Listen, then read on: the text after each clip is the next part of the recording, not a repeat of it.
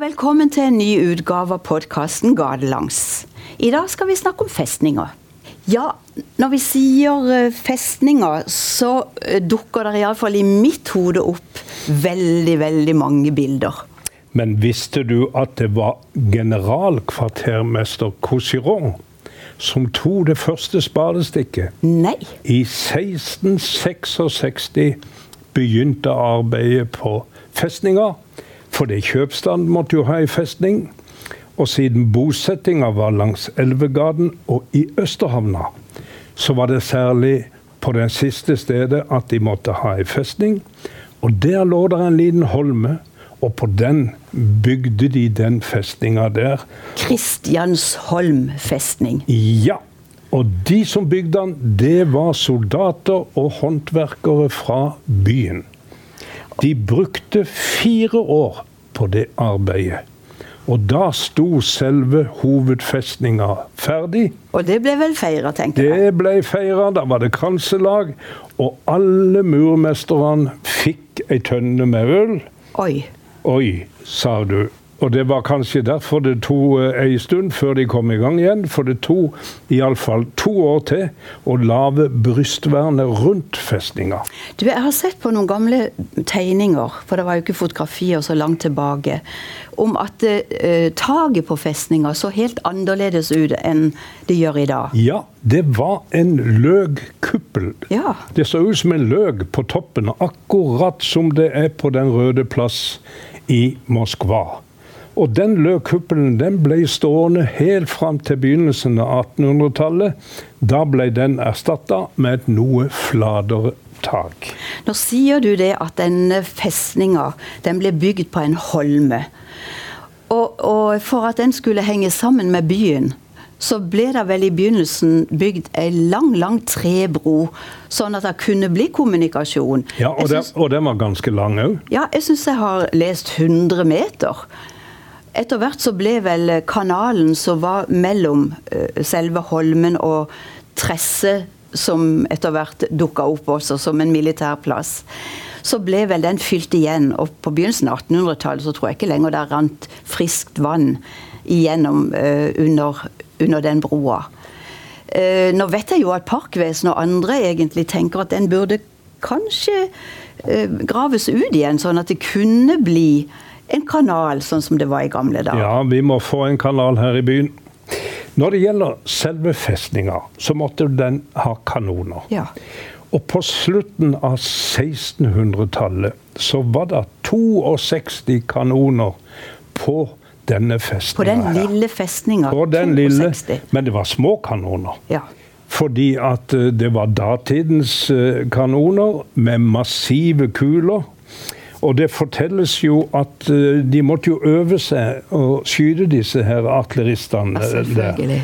Og da fikk de altså lurt med seg en, ei fiskeskøyte fra Flekkerøya. Denne fiskeskøyta skulle da kjøre fram og tilbake uh, ute med oksegrønningen, eller inn forbi, rettere sagt. Og så skulle de, den dra et mål, ei målskive etter seg. Og det gikk eh, fiskeren på Flekkerøya med på. Men eh, det var jo ikke alltid de traff målet. Og når det da begynte å så flisene føyk rundt eh, fiskeskøyta, så sa Flekkerøya-folk vi vil ikke mer. Og så var det slutt på det der, og da måtte de finne andre måter. Men etter hvert så ble jo kanonene større, mm. og effektiviteten enda bedre. Ja. Så når vi går helt fram til 1892, så var det fire store kanoner. Såkalte riflede kanoner for Oi, de som er militærfolk. Og de var 16,7 cm i diameter. Så det var svære saker. Da var det svære saker. Ja. Men du, var der, eh, bodde det soldater på, på festninga? Det var nemlig sånn at i fredstid så bodde det bare en 30-40 soldater. Dvs. Si, bodde jo de ikke på festninga, men de var på festninga. Og bodde i byen, da? Og bodde i byen, ja. og stort sett så tok de inn hos offiserer langs Østre Strandgade. Ja, For der bodde mange av offiserene som Ja, var på, på og det var tradisjon at de tok inn noen av de soldatene som tjenestegjorde der. Men det var vel ikke alltid så få? Nei, og hvis det var fare for krig, og det var det jo f.eks. fra 1807 og utover, Ja. da kunne det være opptil 2000 mann som var i Tresse og på festninga. Men de kunne ikke sove i Østre Strandgata? alle de? Nei, det kunne de ikke, og da måtte de inn i soldaterkvarterene oppe i Påsebyen. Akkurat. Der det var andre soldater som holdt til. Og da fikk folk lov til å leie ut litt av gårdsplassen, litt av loftet, til disse her soldatene, og fikk lønn mot å huse de og gi de kost og losji. Så det ble sånn en ekstraskilling for folk som hadde det relativt smått oppover i Påsebyen. Og da kan du tenke deg hvor mange soldater det var i Kristiansand i begynnelsen av 1800-tallet. Ja, jeg ser den. Det er ikke for ingenting det kalles garnisonsbyen. Nei, riktig. Jeg har jo hørt også at eh, det var veldig liv oppe i østdelen av byen, nordøstre hjørne der. Eh, Blant annet så ble jo alle soldatene vekka av revelje tidlig om morgenen. Da var det noen musikere i, i brigademusikken som hadde det som oppgave å, å vekke soldatene og få de i sving. Det var jo ikke bare soldatene som eh, ble vekka om morgenen. Nei, det var vel alle. Men du, på innsida, rett inn, inn forbi porten til festninga, så ligger det vel den dag i dag ei, ei gul murbrakke. Og i mitt hode så har den alltid blitt kalt for slavevraka. Ja. Er ikke det riktig? Selv i vår tid så ble Ja. han kalt for det. Det gjorde det. Og, og øh, nå vet vi jo at straffemetodene i Kristiansand og i Europa for øvrig var ganske groteske når vi er langt tilbake igjen i tid. Så da byen var ung, så, så var det noen stygge straffemetoder. Vi kjenner jo til både det ene og det andre som sto på torvet. Vi kjenner til vaktstua, vi kjenner til galger, heksebrenning. Og allerede mens festninga ble bygd, så var faktisk den også et sted for arrestanter. Der ble det satt inn folk som hadde gjort en eller annen eh, forbrytelse. Ja, hva, hva, hva kunne de ha gjort ja, for å havne det kunne være alt fra å rett og slett være overstadig berusa, eller til å ha knust vinduer hos folk, eller gjort et innbrudd. Og, og straffene var ganske brutale. Og da ble de altså satt inn i denne brakka. Gjerne ett-to år for forseelser som vi kanskje i dag nesten ikke ville ha gitt mulkt for en gang. Og så har jeg hørt at du kunne putte putta inn hvis du besovte andres koner. Oi, ja det vil jeg jo tro. Det var det jo en god grunn for da, i tilfelle. Selvfølgelig. Eh, At det heter slavebrakka, eller fikk det navnet, det har vel sammen med at det var faktisk en del slaver som Ja, en del arrestanter eller innsatte som, som fikk rent slavearbeid. Så i 1721 så tror jeg jeg leste om en eller annen mann som hadde gjort noe galt, og som fikk som straff å trekke en stenkjerre. Det var liksom den daglige, det daglige arbeidet hans, og det var rent, rent slavearbeid, så vidt jeg husker. Ellers så gikk de vel rundt og feide og plukka søppel. Nei og... det, var jo, nei, det var ikke de. Det var vel det som vi kalte for kronarbeidere, som kom noe senere inn i den der brakka. Oh, ja. Og det var rett og slett eh, folk som ikke ville betale underholdningsbidraget for uekte barn som de var fedre til. Og så ble de satt inn, gjerne sommerstid, på såkalt kronarbeid på festninga og bodde i slavebrakka. Og det var eh, all slags arbeid. De kunne gå og rydde i tresse, de kunne bli satt ut på skogplanting i, på Odderøya eller i Baneheia.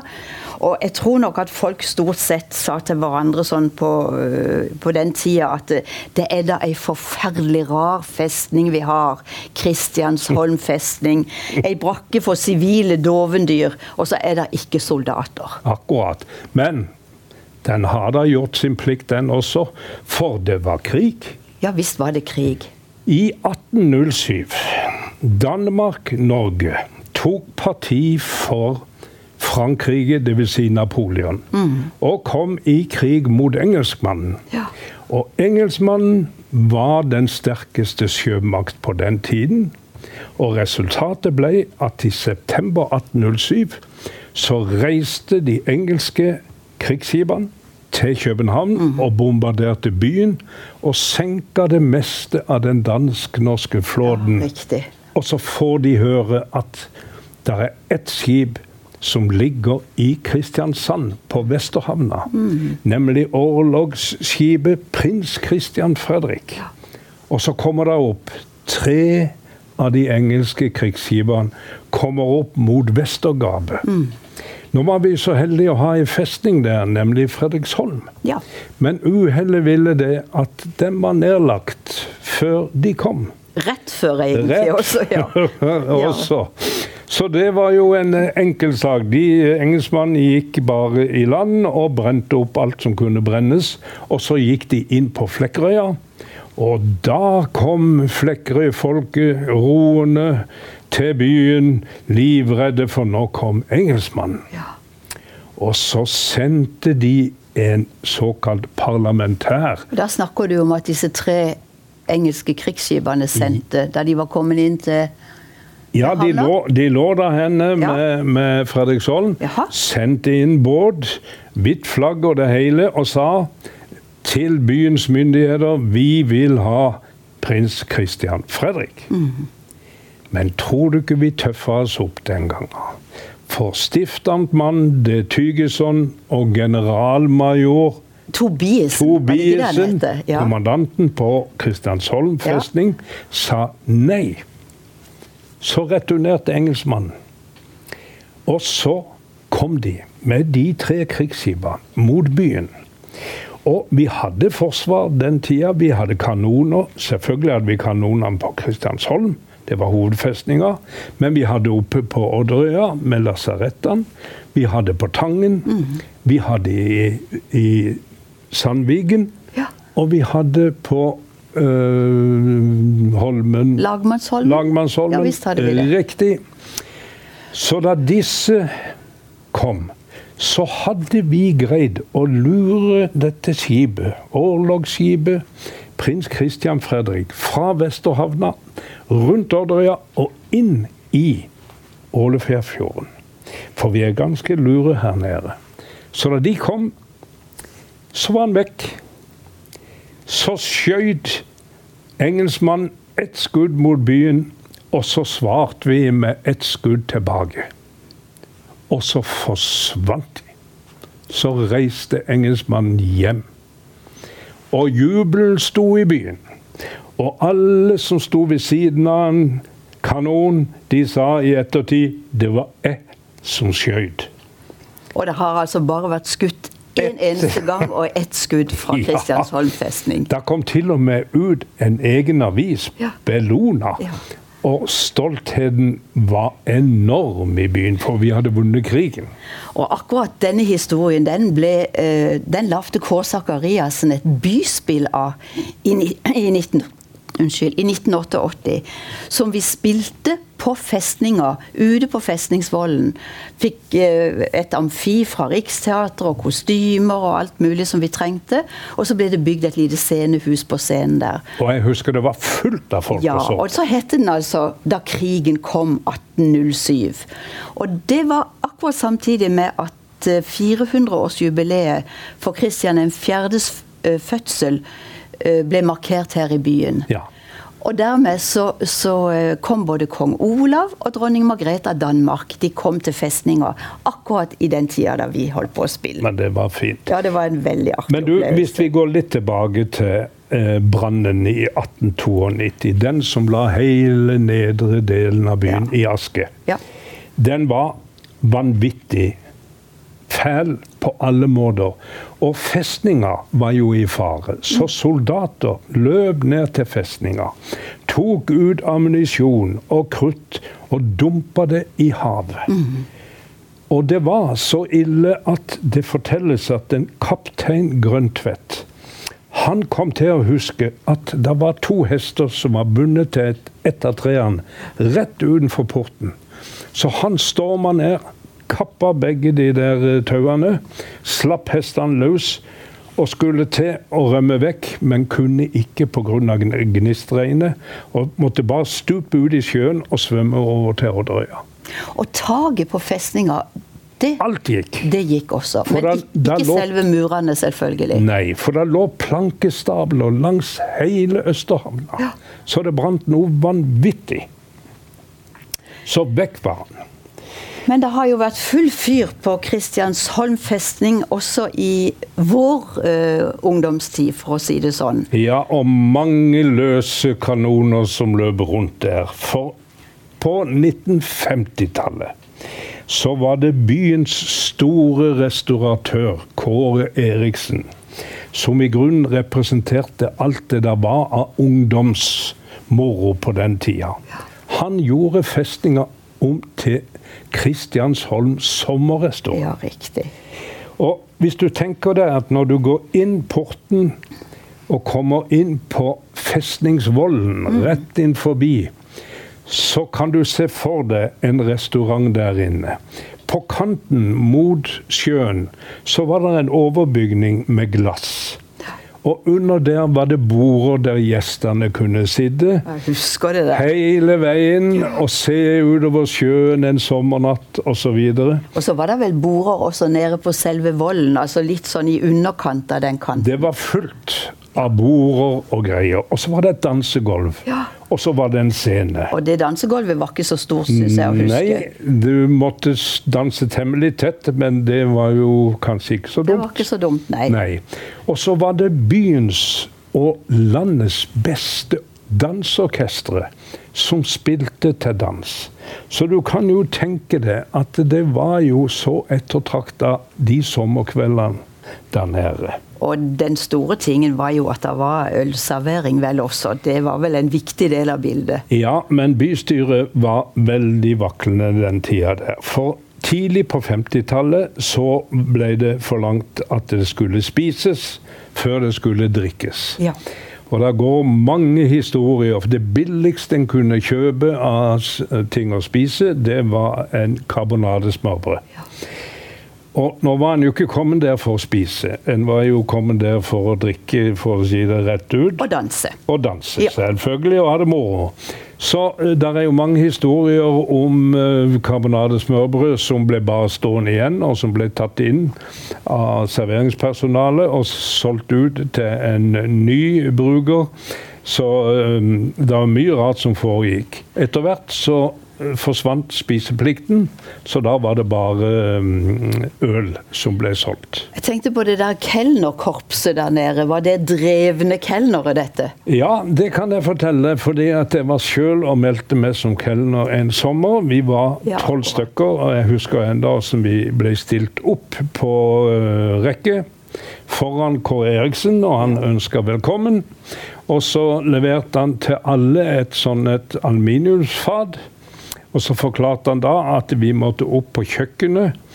Uh, som var rett med uh, slavebrakka. Ja. Og der skulle vi da kjøpe ølet for la oss si ei krone, og så skulle vi selge det for 1,50.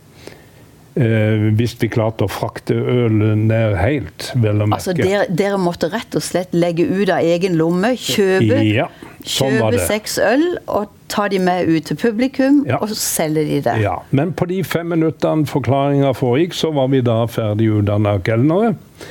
Ja. Uh, og jeg husker jo sjøl at den første gangen jeg hadde et sånt et brett med seks øl på, så var det et bitte lite trappetrinn ned fra det der uh, fra slavbrakka og ned på dansegulvet, og jeg gikk jo selvfølgelig på nesa ned. Så du var skyldig, egentlig? Det ble ikke noe særlig gevinst. Nei. Men etter hvert så lærte du å balansere det mellom dansepar over hele den der plassen. For det var så etterspurt å komme på festninger. Og du kan jo tenke deg på varme sommerdager med byens beste orkester. Eller landets beste. Eller landets beste. Ja, F.eks. Kjell Karlsens orkester mm. fra Oslo var nede. Men her hadde vi Egon Solems orkester. De spilte flere år tidlig på 1950-tallet, eh, og der var det Otto Geheb, selveste bakeren, på saksofon. Ja, han var med. Og folk svingte seg, og det var så stas. Men Kår Eriksen, det var jo litt av en skøyer. Han fant på ting hele tida. Så han sa et år til Egon Solheim at nå har dere spilt noen år, nå må dere vente. For nå skal jeg få opp et Jamaica-orkester. Og dermed så ble Solheims orkester rett og slett sparka? Ja. Ja, de fikk iallfall litt Eller permisjon, Fikk permisjon et Ja. år. Så fikk han opp fire stykker fra Jamaica. Og da de kom opp og skulle prøvespille, så viste det at to av de kunne ikke spille i det hele tatt. Og hun som var sangerinne, Millie, hun var egentlig bedre til å vrikke enn til å synge. Og jeg husker hun, det var hun der My Boy Lollipop. My boy ja, lollipop. Så da måtte han hanke inn i en Egon Solheim, som sa ja, ålreit, vi skal være. Så da spilte Egon Solheim Ja. med, med Millie som frontfigur. Og hadde det vært fullt før, så ble det sannelig ikke noen færre seinere. For det var jo første gang folk så et farva menneske. Ja, ikke sant. Det var kø, og folk lurte seg inn Ja, og overalt. det lurte jeg også litt på. Hvordan i all verden klarte folk å komme seg inn på den festninga? Nei, de klarte å klatre opp murene, og inn kom de. Jeg har ikke hørt Ja. på magen. Eh, Etter eh, å ikke hatt noe stor suksess som kelner, så meldte jeg meg på som dørvakt Ja. Året etterpå. Og det var i tre uker. Men det var jo ikke lett å stanse folk når det var fullt der inne. Så eh, etter tre uker så var det en jeg tror han var fra Vennesla. Han blekte til meg så at jeg lå rett ut på gresset bak. Oi. Så om ikke annet så kan jeg smykke med, med tittelen 'Den siste falne ved Kristiansholm festning'.